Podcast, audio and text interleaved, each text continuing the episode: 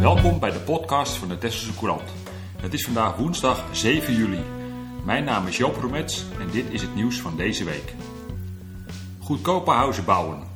Een deel van de 171 woningen die het college de komende tijd versneld wil laten bouwen, moet een stuk goedkoper worden. Dat stellen GroenLinks en PvdA in een amendement dat ze vanavond, woensdag, indienen in de raadsvergadering. 24 woningen in de prijsklasse van 255.000 tot 285.000 mogen niet duurder worden dan 230.000, vinden de indieners. Dat betekent voor de gemeente een extra verlies van bijna 4,5 ton op de grondexploitatie. Tot nu toe wordt uitgegaan van een tekort van 7 ton. De maatregel vergroot volgens GroenLinks en Partij van de Arbeid de kansen op een betaalbare woning voor Tesselse starters. Ook werknemers in de zorg en het onderwijs profiteren. Zij kunnen zich met hun salaris echt geen woning van 285.000 euro permitteren, stellen GroenLinks en Partij van de Arbeid. Ze stellen voor de 24 goedkope woningen te verspreiden. Den Horen, Oude Schild en Oostrent zouden er elk vier moeten krijgen. De Koksdorp 12. Het abonnement kan bij voorbaat rekenen op steun van D66. OSG doet het goed. Hoge slagingspercentages op OSG de Hogeberg. Gemiddeld 95% van de 167 eindexamenkandidaten heeft het veldbegeerde diploma behaald. Voor zowel VMBO basis als VMBO kader bedroeg het slagingspercentage 100%. Op de MAVO slaagde 93%, HAVO 88% en op het VWO 94%. Daarmee trekt de OSG de positieve lijn door. Ook vorig jaar slaagden meer leerlingen dan het jaar ervoor. De percentages worden mogelijk nog iets hoger omdat een aantal leerlingen in het derde tijdvak nog een herkansing doet.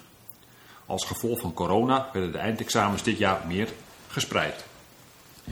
De scores zeggen volgens rectorbestuurder Corrie Zets van de OSG veel over de veerkracht van de leerlingen en zeker ook van de docenten. Door corona kon lange tijd alleen online les worden gegeven. In veilige handen. Het college moet bezwaren van de stichting Kernwaarde en bewoners van het Horrentje tegen het kunstwerk in veilige handen alsnog inhoudelijk behandelen. Dat heeft de rechtbank in Haarlem bepaald. Het plaatsen van het kunstwerk bij de Tezelhaven komt door de uitspraak op losse schroeven te staan. De stichting Kernwaarde en bewoners van het Horrentje hadden bij de rechter bezwaar gemaakt tegen de omgevingsvergunning die het college in augustus 2019 aan Hoogheemraadschap Hollands Noorderkwartier had verleend. Het college verklaarde die bezwaren in januari 2020 ongegrond en niet onontvankelijk. Zo zouden de omwonenden niet belanghebbend zijn. De rechtbank oordeelde anders en floot het college terug. Hulpverleners in actie. Diverse hulpdiensten kwamen zaterdag in actie in de Slufter. Daar was een passagier van de Jan Plezier onwel geworden. Het kusthulpverleningsvoertuig van de KNRM bracht de hulpverleners van de ambulance naar de Jan Plezier en haalde het slachtoffer daarna uit het natuurgebied. De politie zorgde ervoor dat onderweg alle hekken open stonden. Daardoor kon het hulpverleningsvoertuig steeds gewoon doorrijden. Het slachtoffer is naar het ziekenhuis gebracht. Een 55-jarige vrouw uit Den Burg raakte zaterdagavond laat gewond bij een ongeval op het Schildrent in de Burg. De vrouw kwam ten val met haar fiets en liep letsel op aan haar gezicht. Ambulance en politie waren ter plekke voor hulpverlening. Zeldzame bij. De zeer zeldzame waddenviltbij is weer gesignaleerd op Texel. De soort was al 30 jaar niet meer in Nederland aangetroffen en stond op de rode lijst van verdwenen soorten. De bij werd een tijdje geleden aangetroffen in de Mui. Het diertje werd er gezien door Menno Remer van EIS Kenniscentrum voor Insecten en andere ongewervelden. Ook Erik van der Spek van Staatsbosbeheer op Texel trof de waddenviltbij aan. Het ging om 5 tot 10 exemplaren. De zeer zeldzame bij werd in 1991 voor het laatst gezien, ook toen op Texel. De waddenviltbij komt alleen voor in berggebieden van Centraal-Europa en op enkele plekken langs de kust van de Noordzee en de Oostzee. Hardlopen voor het goede doel. De Europa Run estafetteloop heeft zondag 505 euro opgebracht. Tot verrassing van alle vrijwilligers werd het bedrag aangevuld door Peter de Burg van de Teslalve Marathon. Hij overhandigde voorzitter Michael van der Gracht van de Tesselrunners een cheque van 1000 euro voor het goede doel. Ter Burg refereerde daarbij aan het gezamenlijke doel om de hardloopsport op Tessel te ondersteunen. De Tesselrunners zamelen geld in om het leven van kankerpatiënten te verbeteren. Aan de estafette deden 16 teams mee. De meeste waren viertallen, maar er waren ook drietallen en duo's bij. De teamleden liepen ombeurt een kilometer, samen 20 of 30 in totaal. Agrarisch Kenniscentrum. Landbouworganisatie LTO vindt dat er op Texel een agrarisch kenniscentrum moet komen. Instanties als het NIOS en de Lieuw, studenten en technici zouden daarin moeten samenwerken aan uiteenlopende educatie- en onderzoeksprogramma's.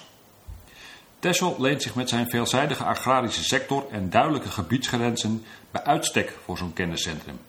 Educatie kan tevens gericht zijn op het verkleinen van de afstand tussen boeren en burgers, vindt LTO. De landbouworganisatie oppert het idee in een nieuw toekomstrapport met de titel Vertrouwen is de verbinding van morgen. De plannen zijn nog in een pril stadium. Voor de realisatie doet LTO nadrukkelijk een beroep op de inzet, creativiteit en assertiviteit van jonge boeren.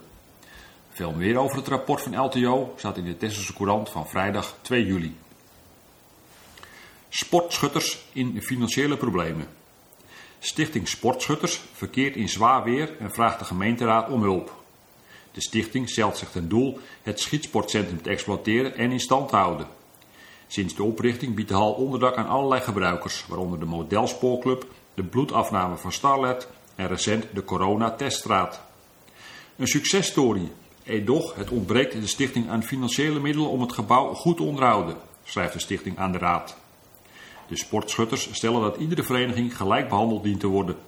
Ze verwijzen daarbij naar atletiekvereniging Tessel, die een deel van haar schuld aan de gemeente kwijtgescholden kreeg. Rob van der Stap met pensioen. Zorg dat een klant goed geholpen werd, dat was iets waar Rob van der Stap uit Den Burg zich altijd graag voor inspande. Zaken gelijk regelen als het nodig was. Dingen van iemand onthouden, zodat ze de volgende keer weer een praatje hadden. Ook een goede band met zijn collega's vond Rob belangrijk. Dat betekende bijvoorbeeld dat hij zich over het onderhoud van het koffiezetapparaat ontfermde, maar ook dat hij de uitjes van de personeelsvereniging en de jaarlijkse bouwvakkersborrel regelde. Na 52 jaar werken, waarvan de helft bij RAP in Ouderschild, ging Rob onlangs met pensioen. In de Tesselse Courant van dinsdag 6 juli blikte uitgebreid terug op die periode. De Tesselse Courant verschijnt twee keer per week en staat steeds boordevol nieuws, reportages en achtergronden. Neem ook een abonnement op de lokale krant van Tessel. Kijk op www.texascourant.nl voor de mogelijkheden.